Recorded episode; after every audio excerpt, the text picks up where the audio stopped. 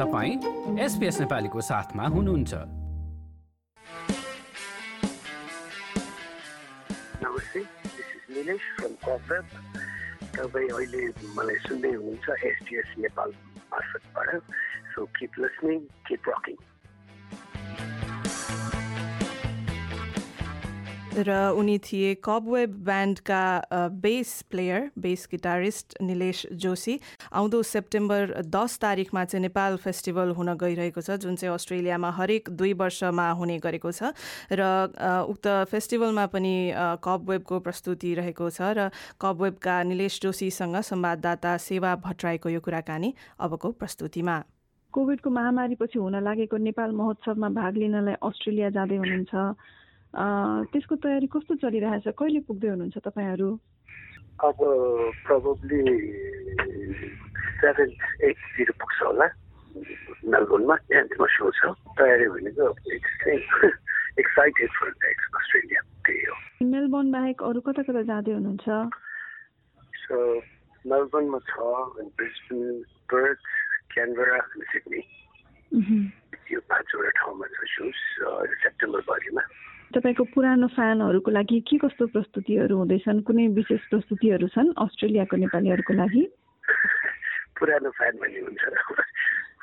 एउटै त हो नि त्यही हो यसपालि this is thirty years of Cobweb अनि हामी तिस वर्ष सेलिब्रेसन गरिरहेछौँ भन्नुपर्ला। काठमाडौँमा एउटा ठुलो सो हुन्छ। हामी त्यसको लागि प्र्याक्टिस गरिरहेछौँ डिसेम्बरतिर अलिकति युज गर्न लाग्छौँ हामीले। अब यो नेपाल फेस्टिभल चाहिँ अस्ट्रेलियामा बस्ने नेपालीहरूको चाहिँ एकदम ठुलो मेला मानिने रहेछ होइन? अनि अब नयाँ पुस्ताको मान्छेहरू पनि छन्। अनि तपाईँले फेरि तिस वर्षको सेलिब्रेट गर्दैछौँ भनेर भन्दै हुनुहुन्छ होइन? नयाँ पुस्ताहरूको लागि तपाईँहरूले कुनै नयाँ किसिमको प्रस्तुतिहरू लैजानुहुन्छ के के छ? होइन यस्तो हो तपाईँले अब सुन्नुभएको छ भने चाहिँ यु फाइन्ड आउट अब जस्तै कपी कसरी स्टार्ट भयो कुन म्युजिकबाट स्टार्ट भयो नाइन्टिन टूमा रेकर्ड गरेर थ्रीमा रिलिज गर्दाखेरि एन्ड देन सेकेन्ड एल्बम कस्तो भयो सो इट्स अल चेन्जिङ बिस्तारै हामीले जस्तो पहिला बजाउँथ्यो अहिले आएर अब तपाईँले राम्रो सुन्नुभयो भने फाइन्ड इज डिफरेन्स अब जस्तै लास्ट एल्बम सिक्सटिनमा हामीले रिलिज गरेको थियो अस्ति त्यो it was completely different than the before we हामीले जे गरेको थियो पहिला त्यसपछि नाइन्टिनमा विडिड अर्को एउटा सोलो जसको भिडियो पनि रिलिज गरेको थियौँ सो चेन्ज हुँदैछ गर्दैछौँ के के अब सिक्दैछौँ होइन? टाइम अनुसारले जे जे सिकायो जे जे सिक्यो। सो त्यसरी इभल्भ पनि हुँदैछ सेम अब जो कभरलाई अब राम्रोसँग सुनेछ चिनेछ then knowing the changes cover तपाईँको अहिले सुरुवातको पनि कुरा गर्नुभयो। तपाईँको पहिलो एल्बम अन्जान त्यति बेला त्यति चलेको थिएन। के तपाईँलाई चाहिँ त्यो आफ्नो it was ahead of time आफ्नो समयभन्दा अगाडिको थियो जस्तो लाग्छ त्यो? सबैभन्दा अगाडिको हो भनेर तर हामीलाई लाग्दैन। हामीले जे सिक्यो त्यो बेलामा अब सिकाउने मान्छेहरू थिएन अब मेन्टर खासै थिएन। अहिले जस्तो अब थिएन सो जति हामीले सिक्यौँ जति जान्यौँ त्यसरी नै निकालेको होइन त। सो द्याट वाज फर्स्ट निकालेपछि बल्ल थाहा पायो नि त यस्तो हुँदैन रहेछ यस्तो हुनुपर्ने रहेछ भनेर सिक्यौँ हामीले। त्यसपछि केही समय हामीले टाइम दियौँ त्यसपछि सेकेन्ड एल्बम नाइन्टी सिक्समा निकाल्यौँ। त्यसमा चाहिँ नि अब मार्यो मार्यो भन्ने गीत त्यसैमा थियो। अर्को पनि बाजे पनि थियो जुन चाहिँ त्यो बेलामा अब राम्रै चलेको थियो। त्यसपछि सिक्यौँ भन्नु पर्ला। तर मान्छेले चाहिँ नि भन्छ टाइममा नगरे हामीलाई चाहिँ त्यस्तो लाग्दैन। जे फिल गर्यो हामीले त्यसरी नै काम गर्यो भन्नु पर्ला अब मैले तपाईँलाई एउटा कुरा सोध्न खोजेको त्यो पनि थियो कि अहिले जस्तो इन्टरनेट पनि थिएन त्यति बेलामा।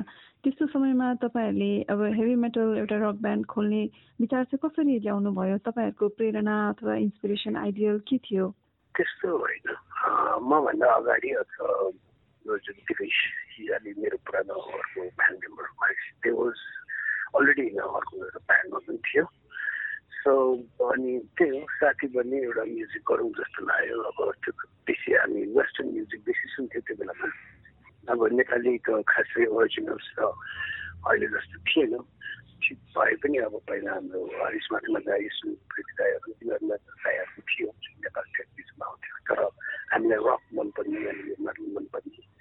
सो वेस्टर्न म्युजिक सुन्दै गएँ इन्फ्लुएन्स हुँदै गयो सो जस्ट एउटा हेरौँ न के होला भनेर ग्रुप इन द ब्यान्ड भन्नुपर्ला रेकर्डेड सङ एक्चुली त्यसपछि यसलाई नै प्रोफेसन बनाउँछु या यसमै लाग्छु भनेर त सोचेको थिएन